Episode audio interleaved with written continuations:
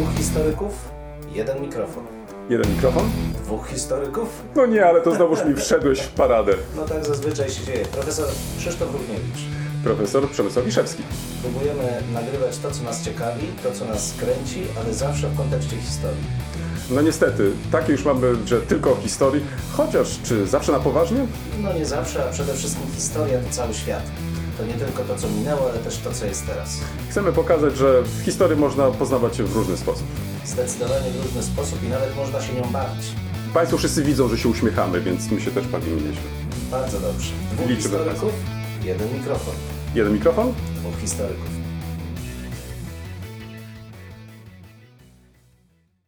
Widzę, że kolega już tak trochę chyba, nie wiem, tak e, wydaje mi się, że jakiś taki ma lampenfiber, czy nie?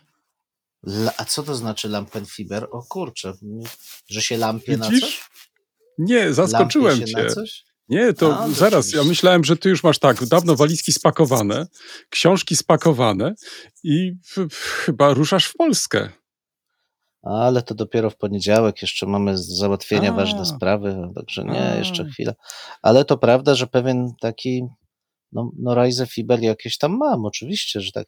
Powiem ci, że nawet dzisiaj moja żona, która jest najlepszą z żon, zmusiła mnie do wysprzątania mojego samochodu. A ja myślałem, że twojego pokoju. Tak to nie przesadzamy, no już bez przesady, wiesz. Te, te, te cierpienia trzeba dawkować, przecież to by mogło mnie zabić. Ale zaraz, zaraz, to jak to nas zrobiła, że, że tak zmusiła cię do tego, żeby to auto posprzątać? I to No sam tak e, bez niczego, bez wsparcia? Nie, no właśnie ze wsparciem to było jeszcze bardziej dołujące, ale po prostu powiedziała, że nie pojedzie takim autem. No to co miałem zrobić? Nawet na myj nie pojechałem. O, a opony i ciśnienie w oponach sprawdziłeś? Ciśnienia w oponach nie sprawdzałem, trzymałem kciuki, że jak zmyjemy warstwę brudu, to to auto się będzie dalej trzymać jeszcze. E, były pewne straty marszowe, ale pojedziemy nim. Czyli pojedziesz, no dobrze. Ale to No. nie pojechałeś do warsztatu, żeby sprawdzić, e, czy wszystko działa na miejscu. Jakbym pojechał i do tak dalej. warsztatu, to mogliby mnie nie wypuścić z tego warsztatu, więc po co mi to? Będziemy się lepiej ostrożnie turlać przez Polskę. Całe szczęście nasz odcinek jest publikowany dopiero w poniedziałek, czyli jak ty już dawno będziesz w drodze. Hmm. No dobrze, to co, to ruszamy? Tak, ruszamy. Książeczki. Zaraz, zaraz, najpierw dzwonek, drogi No, kolega. Dobrze. Ale widzisz, to niestety to jest ten dźwięk taki trochę przytłumiony, bo proszę Państwa, nagrywamy. U mnie jest już ciemno. Faktycznie, to już jest No, po u mnie jeszcze coś tam 21. widać. Tak, a widzisz, to u Ciebie Mm. jednak. U mnie na wsi niestety już jest ciemno. Wiesz, tutaj światła wielkiego miasta jednak rozświetlają trochę tą ciemność A. za oknem. Zachęcam cię do podróży. Przyjedź, odwiedź nas. No dobrze, to w takim razie dzwonię raz jeszcze. Co też kolega ciekawego przeczytał w mijającym tygodniu, lub też Co? ewentualnie co włożył sobie do tej walizki na drogę. No trochę książek mam, ale chciałem dzisiaj powiedzieć o jednej, bo e, akurat tak się zdarzyło, że musiałem e, wyjechać służbowo do Warszawy i miałem tam jakieś spotkania. Jedno z nich się spóźniło, więc oddałem się temu, co lubię najbardziej, czyli mogłem zajrzeć do pobliskich księgarni, a ponieważ akurat tak się składa, że na krakowskim przedmieściu są dwie moje ulubione, blisko uniwersytetu jest Liber, potem jest mm, księgarnia Prusa i tam zawsze coś ciekawego da się upolować i dla dzieci, co zawsze robię, ale tym razem też dla siebie. Jiří Grusza, Czechy, instrukcja obsługi. Niewielka książka w e, bardzo ciekawym formacie, no 290 stron, bardzo starannie wydana graficznie przez Międzynarodowe Centrum Kultury w 2018 roku. Biblioteka Europy Środka pod redakcją Jacka Purchli. Więc troszkę już teoretycznie lat ma, natomiast przyznaję, że z ogromną ciekawością e, zagłębiłem się w pierwsze strony tej książki, no i urzekła mnie. Jest to rzeczywiście przez e, znanego pisarza czeskiego, krytyka e, literatury, taka patchworkowa opowieść o tym, co dla niego jest ważne w Czechach, o stereotypach, o ludziach, o diecie, o zwyczajach.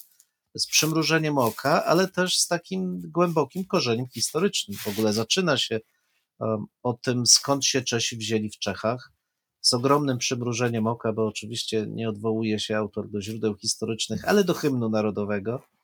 No i pokazuje, Mhm. że Czesi oczywiście przez dość duży przypadek nazywają się Czechami w tej chwili, ale tu nie chcę Państwu zdradzać. Natomiast obiecałem zacytować e, podejście, czy, czy inaczej, streszczenie czeskiego podejścia do historii.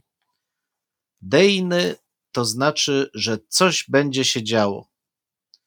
Komentarz w sposób pośredni, ale wyraźny pozostawia się komuś, kto owo dzianie się widzi jako zdarzenie zewnętrzne, bo u niego wiele się nie działo. To do nas, do historyków pije. Tak. Z tego punktu widzenia słynny sens dziejów wygląda już znacznie lepiej. Prorocze winien, jako przeciwieństwo do ma, aż tak bardzo nie absorbuje. Dzieje się dzieją, lecz nie zmierzają do niczego bardzo konkretnego, tylko po prostu kończą się u tego, który je dostrzegł i nimi się zajął. Krótko mówiąc, Czechów historia nie zajmuje, ponieważ jeśli już są w ramach tej historii, to po prostu cieszą się tym, co jest i co się wokół nich dzieje. Naprawdę bardzo serdecznie polecam. Przede wszystkim dlatego, że można potraktować to trochę jak przewodnik, ponieważ rzeczywiście wędrując po rozmaitych zakątkach Czech, można zawsze znaleźć tutaj fragment, który dotyczy a to Nachodu, a to Pragi oczywiście, a to góry Żip, różne miejsca, różne zdarzenia. E, Przepięknie wydana. Ja jestem, jak Państwo wiedzą, przywiązany do materialnej strony, choć często korzystam z elektronicznych nośników, co mi wytyka kolega. Jest ogonek, proszę bardzo. O. Jest jeden Tak. czy dwa? Jest jeden ogonek, ale jest przepiękna, przepiękne grafiki e, wewnątrz. O tu pokazuje na przykład Szwejka z panią Szwejkową, jak się zresztą okazuje, zdaniem autora, e, ponieważ Jarosław Haszek miał no, swoisty, nie powiem, że kompleks matki, ale silnie z matką był związany, to Szwejk też jest tak naprawdę takim mamin synkiem, jednak wielkim, co też rzutuje trochę na wizerunek Czechów jako takich. No, generalnie naprawdę, o, a proszę tutaj Państwo, Państwo Czechowie, którzy e, zajmują się radosnym tańcem, ale proszę Państwa, jest też druga rzecz, która mnie bardzo cieszy, indeks. Indeks O. imion osób wymienionych tutaj, więc każdy, kto chce poczytać coś na temat Wacława Klausa, zagląda na stronę 62 i być może jest, być może nie jest zadowolony. Dużo miejsca poświęcone jest na przykład Rudolfowi I Habsburgowi, królowi niemieckiemu. Mówiąc poważnie, bardzo, bardzo dobre podejście do kultury, do przeszłości, do popularyzacji, ale właśnie z takim dystansem do siebie. To jest chyba coś, czego nam bardzo często brakuje, zwłaszcza nam w naszej kulturze, gdzie z taką śmiertelną powagą musimy do wszystkiego podchodzić. Tutaj jest to zrobione w sposób perfekcyjny, bardzo erudycyjny i przepięknie przetłumaczone. To naprawdę jestem bardzo. Pan Andrzej Jagodziński przetłumaczył. Jestem pod dużym wrażeniem frazy. Naprawdę czyta się to z ogromną, e, z ogromną przyjemnością. Jeszcze raz bardzo serdecznie polecam. Książka nie nowa, 2018 rok, wydana w Polsce. Jeszcze zerknę tylko, kiedy została wydana, ale niestety nie ma. Kiedy została wydana w Czechach? Nie, niestety nie jest No ale to oznaczone. można w internecie nie, mam, sprawdzić. Mam, mam, mam, mam. Dziewię- 99 rok. Żeby było śmieszniej, zostało to wydane w Piper Verlag München, Berlin po raz pierwszy w 99 roku. To też ciekawe. Gebrauchsanweisung für Tschechien und Prag pod takim tytułem. No dobrze, ale obsługi. naprawdę polecam. Tak, tak, do, bo dosłownie Czechy, instrukcja obsługi w tłumaczeniu polskim. Mm. Tu pominięto ten aspekt praski, ale pewnie dla czytelnika niemieckiego Czechy to przede wszystkim Praga, stąd takie. Stąd takie tłumaczenie. Polecam do podróży w Czechach, ale też do takiej mentalnej podróży, która pomoże odświeżyć trochę nasze spojrzenie i przywiązanie do sposobu, w jaki opowiada się o kulturze narodowej. Proszę Czyli zwracasz na ten element dystansu. Tak, bardzo zwracam, ale dystansu też takiego jakby nierubasznego hahachania, bo to też nie jest dla mnie nic e, szczególnie wartego uwagi, ale dystansu, który jednocześnie jest naprawdę przekazem kultury. Z, ogromnym, z ogromną erudycją, z odwoływaniem się do, do korzeni kulturowych, y, y, całego przekazu komunikacyjnego, który funkcjonuje i dotyczy tego konkretnego narodu. No, naprawdę to trzeba przeczytać, żeby zobaczyć, jak kunsztownie to jest zbudowane z odwołań mm, pośrednich i bezpośrednich, ale przede wszystkim jak pozwala to wejść w tą kulturę poprzez samą lekturę książki. Kapitalna książka. Tak, no to y, teraz moja chyba kolej, tak? Tak jest, oddaję Ci Bardzo głos. proszę. Ach, w ten sposób. Już myślałem, że może w formie pytania tutaj to w- cóż, zrobisz. cóż, już się, przepraszam, już się poprawiam. A cóż, albowiem pan kolega przeczytał, był w minionym tygodniu zaprawdę Azalisz. To Znak oczywiście tym razem dziękuję, tym razem kolego oczywiście nie mogę zawieść, także i państwa.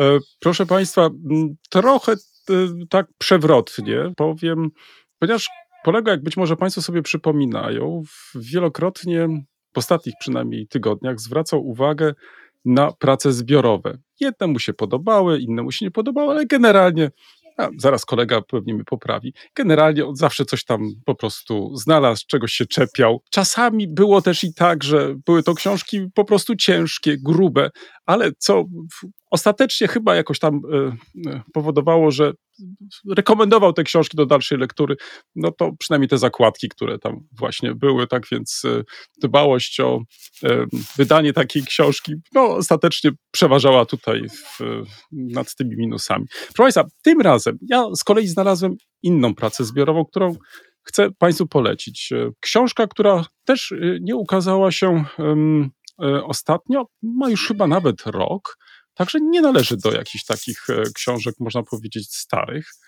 Mm, Nie wiem, czy w ogóle miałeś ją w ręku. Tytuł e, mnie szczególnie zainteresował i praktycznie w chwili, kiedy przeczytałem czy tytuł, to już mniej więcej wiedziałem, komu jest ta książka poświęcona. Mianowicie Pytać mądrze. Studia z dziejów społecznych i kulturowych, księga pamiątkowa dedykowana profesorowi Andrzejowi Chwalbie. Muszę ci powiedzieć, że jest to praca bardzo dobrze wydana przez uczniów e, profesora. Zaraz e, dwa, trzy zdania o samej pracy, ale podjęły się tego zadania dwie panie. Pani Anna Czocher i Barbara Klich-Kluczewska. Książka została wydana bardzo starannie. Ponadto redaktorki tego tomu wprowadziły taki wewnętrzny podział, który bardzo odpowiada zainteresowaniom profesora Chwalby ostatnich dziesięcioleci i wyróżniły takie działy, jak z perspektywy długiego trwania, w kręgu historii kulturowej, następnie, niech ja to znajdę, o trudnej pamięci i dziedzictwie, i to jest ten dział, który szczególnie mnie zainteresował. I ostatni dział, zwłaszcza w nawiązaniu do także ostatnich e, dużych prac e, profesora poświęconych I wojnie światowej, wojna i jej konsekwencje społeczno-polityczne. Także już po samych tytułach e, można właściwie pokazać, czy też wykazać, co jest w centrum zainteresowania autorów, którzy przesłali swoje teksty do tej księgi. Tak jak wspomniałem, mnie zainteresował e, szczególnie ten dział poświęcony pamięci i dziedzictwie. Trochę nawiązuje on może do tego, co ty przed chwilą przedstawiłeś, czyli też takiego mm, czytania historii z dystansem, ale o rzeczach trudnych. I stąd też em, pojawienie się kilku właśnie takich tematów, jak e, na przykład e, problem pokazania PRL w muzeach, dalej rozgrywanie historii, czyli wokół na przykład ustawy z 2018 roku o nowelizacji IPN. Dalej problem, który nie jest w końcu też e, dla nas e, obcy, mianowicie rola i znaczenie świadectw biograficznych czy też autobiograficznych i tak dalej, i tak dalej. Muszę Ci powiedzieć, że czytam te teksty z dużym zainteresowaniem. Każdy z nich jest bardzo starannie opracowany i to, co mnie przede wszystkim się bardzo podoba, każdy z autorów stara się te teksty przedstawiać w sposób taki bardzo, by powiedział, złożony, to znaczy zwraca uwagę na stan badań, zwraca uwagę na metodologię, zwraca też uwagę na takie czy inne kwestie, które dla nich są po prostu ważne.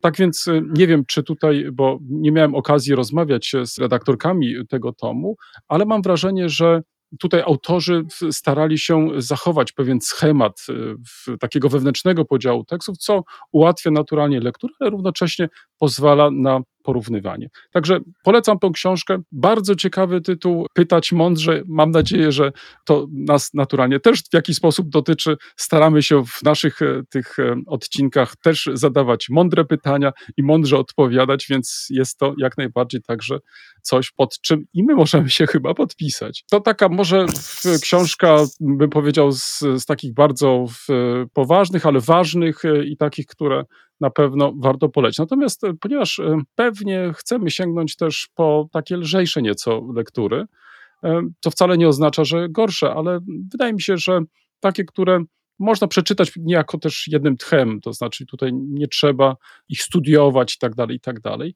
to przeczytałem jednym tchem wywiady, które przeprowadziła Monika Szewczyk-Witek. Książka ukazała się pod tytułem Jedyne nieopowiedziane historie polskich fotografek. No, to dla ciebie pewnie nie jest zaskoczenie, że od czasu do czasu sięgam po taką literaturę, ale to, co może także i ciebie zainteresować, a myślę także i państwa, to to, że dotąd brakowało y, takiego mm, opracowania, gdzie polskie fotografki, znane fotoreportażystki, które wielokrotnie były w cieniu mężczyzn w latach 70., 80., czy też nawet w pierwszych latach transformacji w Polsce po roku 89, żeby mogły po prostu przedstawić się, żeby mogły przedstawić e, swoje dokonania. Autorce tych wywiadów nie było łatwo namówić e, bohaterki do właśnie tej opowieści. Ale to, co wyszło, jest kapitalne. To znaczy, mamy wgląd faktycznie w warsztat tych osób, e, problemy, z jakimi się borykały, ale gdzieś w tle cały czas się przewija historia Polski, okresu Solidarności, stanu wojennego, oporu opozycji i to, co mnie się rzuciło w, w oczy, to przede wszystkim to, jak e, były to samodzielne kobiety, to znaczy jak starały się mimo wielu trudności łączyć e, sprawy rodzinne ze swoją pasją, jaką była e, fotografia, a robiły to naprawdę świetnie. Książka jest przepięknie ilustrowana, wydana przez Dom Spotkań z Historią w Warszawie. Serdecznie polecam. No i teraz mam coś dla kolegi, ponieważ e, zdradził, w jakim kierunku on chce podążać. Pomyślałem sobie, że hmm, e, może warto mu coś też zalecić jako lekturę. Taką nieco inną lekturę, ale myślę na tyle ciekawą, że być może zechce do niej zajrzeć. Mianowicie w tych dniach do księgarni weszła książka Piotra Oleksego Wyspy odzyskane, Wolin i nieznany archipelag. Jest to książka, którą wydało wydawnictwo Czarne. I jeśli sobie, Przemku, przypominasz, to jest taka biała seria. W, ramach e, serii tych książek e, ukazała się na przykład książka Karoliny Kuszyk po niemieckie.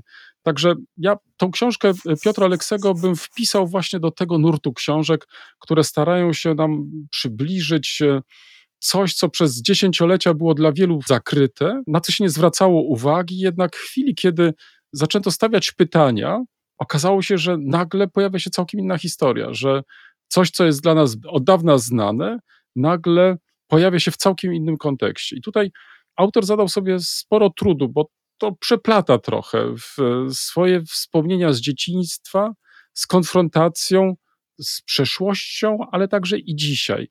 Polską, niemiecką. Znajdziesz tam kapitalne rysy biograficzne różnych e, osób, Polaków, Niemców, ale też, co dla mnie jest e, ciekawe i ważne, i chyba to mogłoby Cię szczególnie zainteresować, to dzieje się to wszystko na tle przyrody, to znaczy lasów, pagórków, morza, zalewu i tak dalej, i tak. Tak więc myślę, że dzięki temu, przeglądając tą książkę, czytając, może wgłębiając się w jej treść, może znajdziesz kilka też takich e, sugestii, co można zobaczyć, co można zwiedzić, a być może na nowo odczytać rzeczy, które Ty w większości przecież e, znasz. I ostatnia, może propozycja, ponieważ zachęcaliśmy do tego, żeby od czasu do czasu sięgać także i po inne media, tu w tym przypadku podcast. Trafiłem na bardzo ciekawy podcast, który jest dla mnie trochę inspiracją też do tego, ażeby poprawiać od czasu do czasu nasze nagranie. Mianowicie trafiłem na podcast dwóch dziennikarek e, pod mm, ładnym takim tytułem podcast jest nazwany Torba Reportera i dwie dziennikarki, Katarzyna Błaszczyk i Hanna Bogoryja-Zakrzewska, dziennikarki z długim e, stażem, postanowiły nie tylko stworzyć podcast, ale także stronę internetową. Same organizują różne kursy, gdzie starają się przybliżyć tajniki pracy z głosem, ale także na przykład to, w jaki sposób opracować e, reportaż, to, w jaki sposób e, może poradzić sobie z pierwszymi trudnościami przy na przykład nagrywaniu podcastu i tak dalej, i tak dalej. I to, co zwróciło moją szczególną uwagę, to jeden z um, odcinków, montaż i realizacja czego unikać, ale tam znajdziecie Państwo też na przykład takie odcinki, które są poświęcone na przykład e, prawu autorskiemu w podcaście, co też jest nie mniej ważne, czy też na przykład ostatni odcinek jest poświęcony realizacji akustycznej w podcaście i w reportażu. Ja już widzę tu kolegi w minę, w, w, ponieważ e, faktycznie wakacje pomału się zaczynają, więc jest to czas też trochę na różnego rodzaju eksperymenty, więc powiem e, tak będę zbierać wszelkie głosy. E, może wykorzystam je w trakcie edytowania naszych podcastów, kto wie. No, panie tutaj e, obie dają nam e, bardzo dużo podpowiedzi, więc myślę, że z niektórych z nich z pewnością skorzystam. Mój worek się już, jakby to powiedzieć, zamyka. Więcej grzechów nie pamiętam. No, no, no bo kolega wziął rewanż za poprzedni tydzień, kiedy nic nie miał i wysypał tutaj taki obszerny worek, a ja tylko z jedną pozycją. No i dobrze. To, mm, to tak, dziękuję Ci bardzo. Bardzo dobry, trafny komentarz. E, tak, dobrze. To, to, to ja w takim razie dzwonię, dzwonię do, do następnej części. Dzwoń dzwoneczkiem. Tak. No i teraz stajemy przed dużym dylematem, od czego zacząć. Ja zacząłem od tego, że spakowałem cię już do walizek. Ty powiedziałeś, że musiałeś wymyć auto. Podsunąłem ci kilka lektur, tak żebyś ewentualnie tą walizkę mógł jeszcze sobie dopakować. Czyli co? Mm. No, podróże. No, to chyba jakiś taki luźniejszy temat powinniśmy wybrać. Podróże? No, myślę, że tak, ale y, ja zastanawiając się nad tym tematem, oczywiście wakacyjnym, bo przecież to, z tej okazji też myślimy o tym, to za, zacząłem się zastanawiać, jaką rolę podróże odgrywają dla historyka. I w, to bardzo złożone pytanie, bo ja co wielokrotnie już mówiłem, ja przez lata nie lubiłem zaglądać do muzeów. Męczyły mnie muzea, przytłaczały za dużo wszystkiego. Ale kiedy przyszedł taki okres, kiedy zacząłem bardzo dużo podróżować z różnych powodów służbowych, zawodowych, to złapałem się na tym, że pierwszą rzecz, którą robię, to idę do muzeum. Idę do muzeum, bo traktowałem je jako swoistą kwintesencję tej kultury, z którą się zetknę, miejsca, w którym jestem. Jak w pigułce chciałem zobaczyć najpierw, z czym się stykam. To nie zawsze się udawało, bo oczywiście muzea są różne, ale generalnie zacząłem je doceniać jako ten rodzaj wprowadzenia. Krok za krokiem, rozchodząc potem te miejsca, do których przybywałem, starałem się zawsze zdobywać o nich wiedzę, po to, żeby ta podróż nie była tylko doznaniem takim mm, no, e, sensorycznym, ale żeby pozwalała mi nieco głębiej spoglądać w te kultury ludzi, e, których mijam. I z biegiem czasu ten nawyk spowodował, że kiedy gdzieś się wybieram, staram się oczywiście więcej nieco dowiedzieć, ale pierwsze spotkanie z nowym miejscem jest jak czytanie nowej książki. Czy zaczynasz zagłębiać się, szukasz wątków, prawidłowości, starasz się wmyśleć w to miejsce, w ten obszar i zobaczyć jakąś opowieść. To często jest takie mylne, bo tam tych opowieści jednej, jakiejś dużej opowieści może wcale nie być. To są nawarstwiania się różnych wątków. Patchworkowa taka e, narracja, no ba bardzo różne rzeczy, ale to czytanie krajobrazu jako element jako element doznania wynikającego z podróży mi osobiście dało bardzo dużo, bo potem mogłem to przenieść na swój warsztat badawczy. Paradoksalnie w podobny sposób można czytać rzeczywistość tą materialną, historyczną, właśnie poprzez nasze źródła, próbując zobaczyć wielowątkowość, zróżnicowanie, ale też dążenie człowieka do zapanowania nad przestrzenią, nazwania go, określenia swoich granic w tej przestrzeni. Więc te podróże dla mnie to jest e, zawsze rzecz magiczna. Ja uwielbiam podróżować po małych miasteczkach, po nieoczywistych przestrzeniach, e, bo to z kolei pozwala mi ożywić moje spojrzenie na takie narracje modelowe, większe, e, które często pomijają to, co jest właśnie tym marginalnym, mniejszym odpryskiem, boczną odnogą historii. Te mniejsze miejscowości, coś bardzo polecam, wyjazd nawet na jeden dzień, nawet na pół dnia, dostarczają niesamowitych przeżyć, odkryć. Jest to coś, co naprawdę dla historyka, ale chyba dla każdego, kto chce poznawać jakąś kulturę, jakakolwiek by ona nie była, rzeczą naprawdę odświeżającą i pobudzającą. Podróże i małe i duże to zawsze jest impuls, żeby inaczej spojrzeć na rzeczywistość. No ale dobrze, to teraz tak trochę może z przekorą powiem, no ale teraz mamy wakacje, no i wakacje też musisz pracować jako historyk. Em, Czy nie można się trochę polenić? No przecież e, jeśli nawet sięgamy po różnego rodzaju opracowania psychologów, to wręcz oni zachęcają do tego. Jeśli już musisz jechać, jeśli już musisz odpoczywać, no to tak trochę wyluzuj, to znaczy poleniuchuj trochę. A ty tutaj cały program już e, opracowałeś. E, Jak rozumiem, wyjeżdżasz e, w poniedziałek rano o godzinie 5. Po prawej stronie siedzi żon, e, czekaj, po prawej, po prawej stronie, tak, kierowcy siedzi żona, trzyma pewnie mapę w ręku z zaznaczonymi miejscowościami. Jeszcze do tego mm, pewnie smartfona. I tutaj jest jeszcze trasa do tego. Każda z miejscowości jest opisana. Jakie muzeum, jaki budynek, ewentualnie jaka tam jeszcze inna ciekawostka. Boże, to przecież ty nie dojedziesz. Przecież ty będziesz cały czas tam tak, wiesz, jakaś taka, no, taka wyprawa wręcz, bym powiedział, takiego nomady od, od, od jednego miasteczka do drugiego. Kiedy jest czas na odpoczynek? Ja nie wiem, czy rodzina w którymś momencie nie zastrajkuje. Czy ona też podziela od razu Więc takie dotknąłeś twoje... tu istotnego Mm. punktu. Rodzina nie podziela, bądźmy szczerzy. Więc to są raczej moje marzenia i ekspresje samotnych podróży. Natomiast rodzina rzeczywiście raczej zapanuje nad moim rączym koniem, chętnym do wyrwania się i zwiedzania, i pewnie więcej czasu poświęcimy na taki odpoczynek. Ale nie, mówiąc poważnie, rzeczywiście no, uwielbiamy, jeśli już gdzieś jesteśmy, też zwiedzać, choć może mniej właśnie w e, muzea, bardziej otaczającą, e, otaczającą rzeczywistość tą kulturową. Ale tak, to się udaje. Natomiast czy, czy, to, czy to jest coś, co, co jest przeciwieństwem odpoczynku? Wydaje mi się, że nie, bo to znowu dotykamy pewnego standardu, który trochę w nas nasza własna kultura wtłacza. To znaczy, że jeśli jedziesz odpocząć, to znaczy jedziesz konsumować i nie robić rzeczy, które wymagają wysiłku.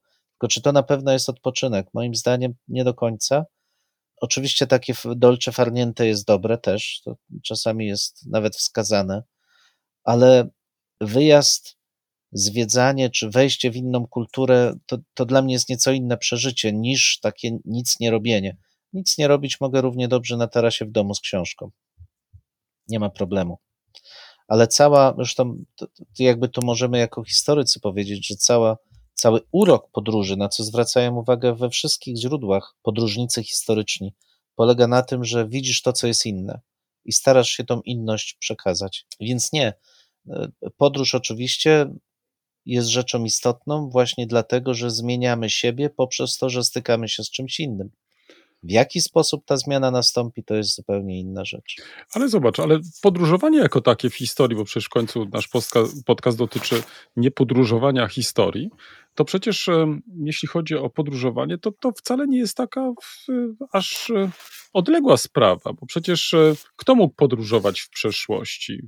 Umasowienie podróżowania dopiero mamy od XIX wieku. Przecież to znamy też opisy, gdzie po na przykład wsiąściu do wagonu pociągów i jadąc przez pewną chwilę niektóre panny mdlały i tak dalej, i tak dalej. No po prostu, bo prędkość, nie były przyzwyczajone. No, dzisiaj naturalnie takich sytuacji już nie mamy, ale zwróć uwagę i często się też e, podkreśla, że to, co odgrywało znaczącą rolę, to jednak bycie na miejscu, to znaczy to jednak też takie, też odpoczywanie na miejscu, myślenie na miejscu, obserwowanie też tego, co jest w tym najbliższym otoczeniu.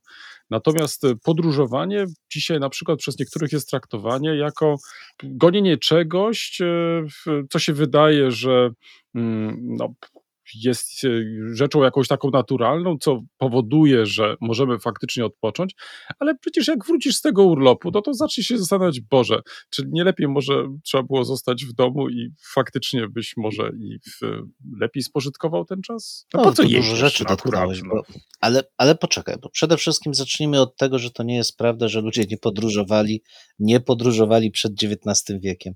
Ty mówisz o No, ale tak zwanej? Ale masowej kto? turystyce. Ale kto? A to, o, kochany, zacznijmy od tego, że po pierwsze podróżowano w celach kultowych. No dobrze, pielgrzymki, zgoda. Pielgrzymki, które zgoda. dla nas, no tak, dla nas to jest rzecz zupełnie no rzadka, powiedzmy sobie szczerze, natomiast w średniowieczu rzecz zupełnie normalna, znaczy pielgrzymowało się po prostu. Okej, druga rzecz, wyprawa do kościoła. Nie każdy miał, w, nie wiem, za rogiem miał kościół, do którego co tydzień szedł, albo co dzień szedł. Nie, to była też rodzaj wyprawy.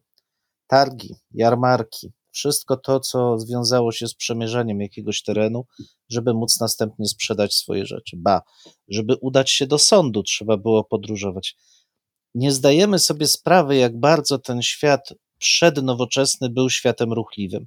Oczywiście ludzie bardzo dużo czasu spędzali w swoich miejscowościach, ale czy my ich nie spędzamy tego czasu?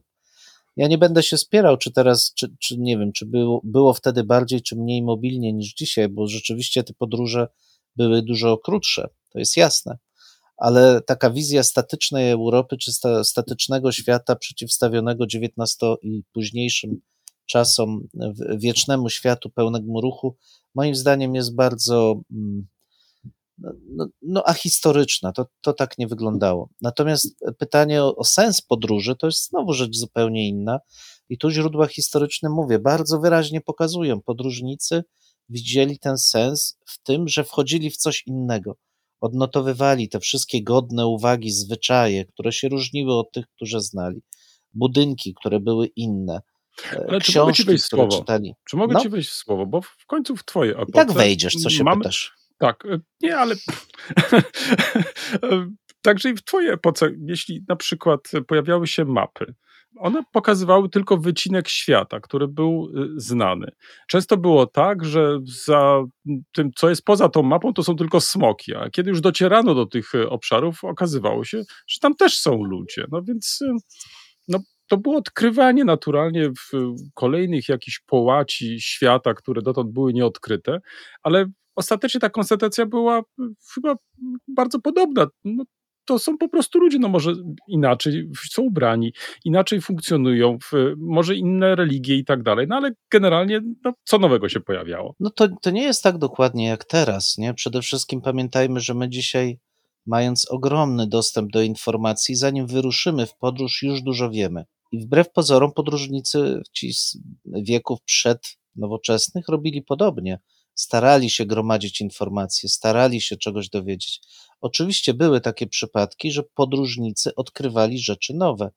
I to możemy zacząć równie dobrze od tych, którzy wyruszali na stepy Azji już w XII wieku, potem w XIII pod wpływem inwazji mongolskiej i tak dalej, i tak. Byli ci, którzy jako kupcy udawali się na Bliski, potem Daleki Wschód. Pamiętamy o Marco Polo, ale oczywiście było tych podróżników dużo więcej. Wreszcie wielkie wyprawy morskie.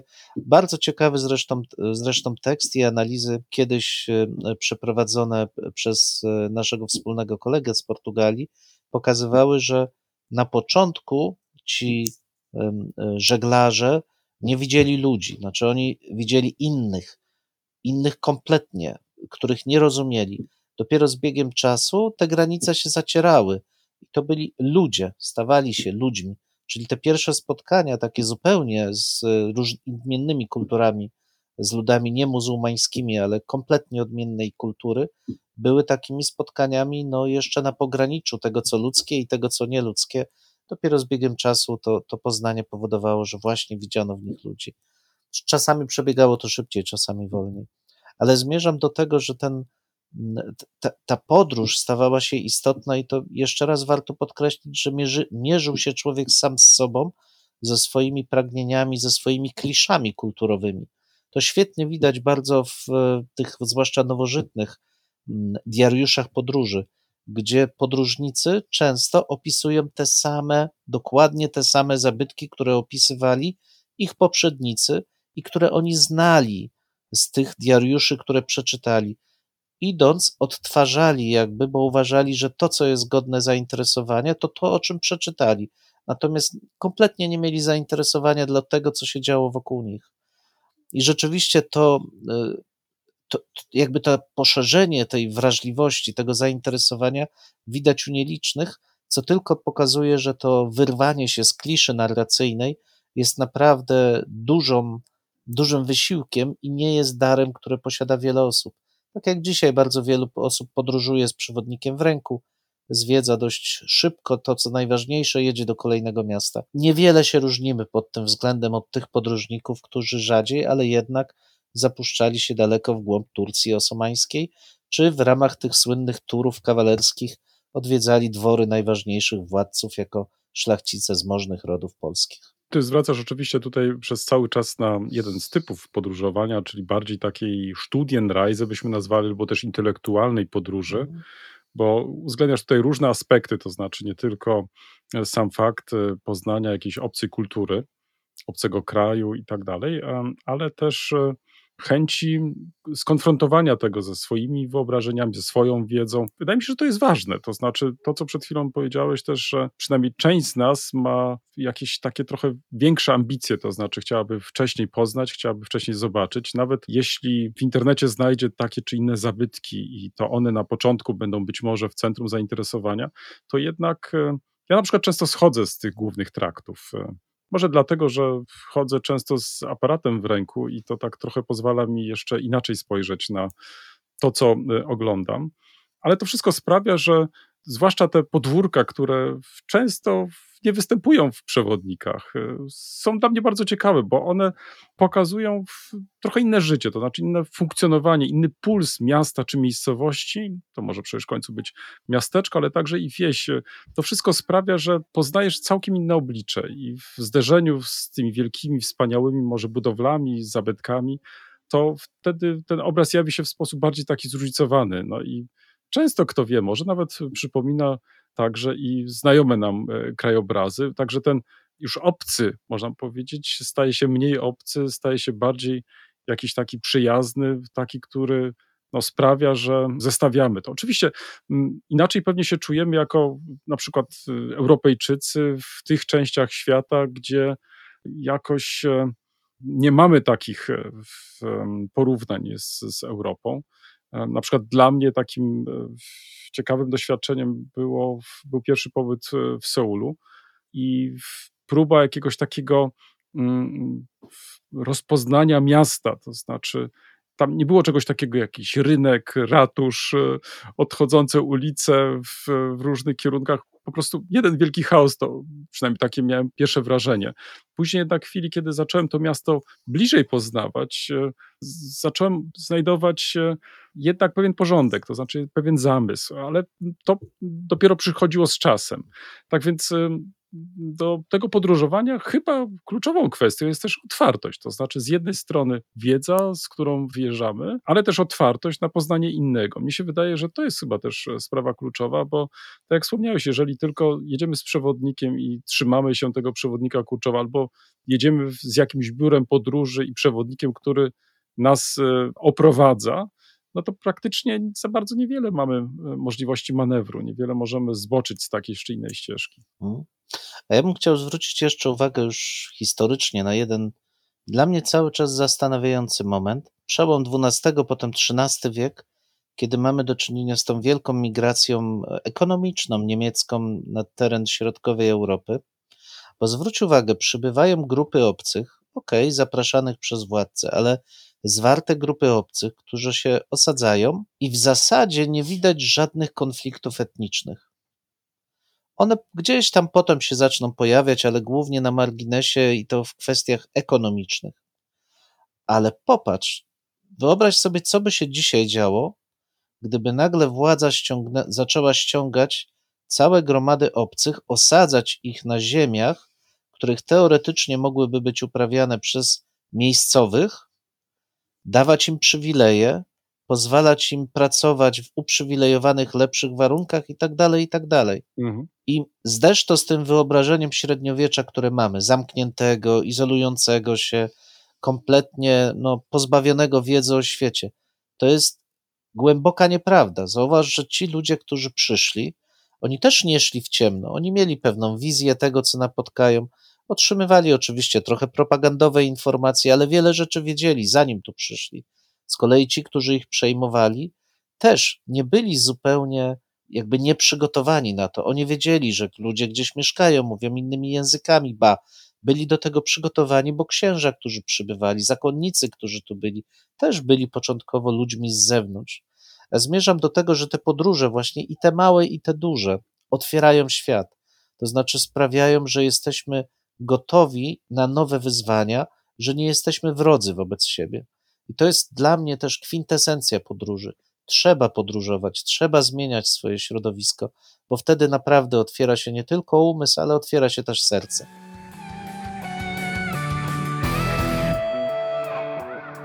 W tym miejscu stawiamy kropkę, lub też jak to woli, kropkę nad i.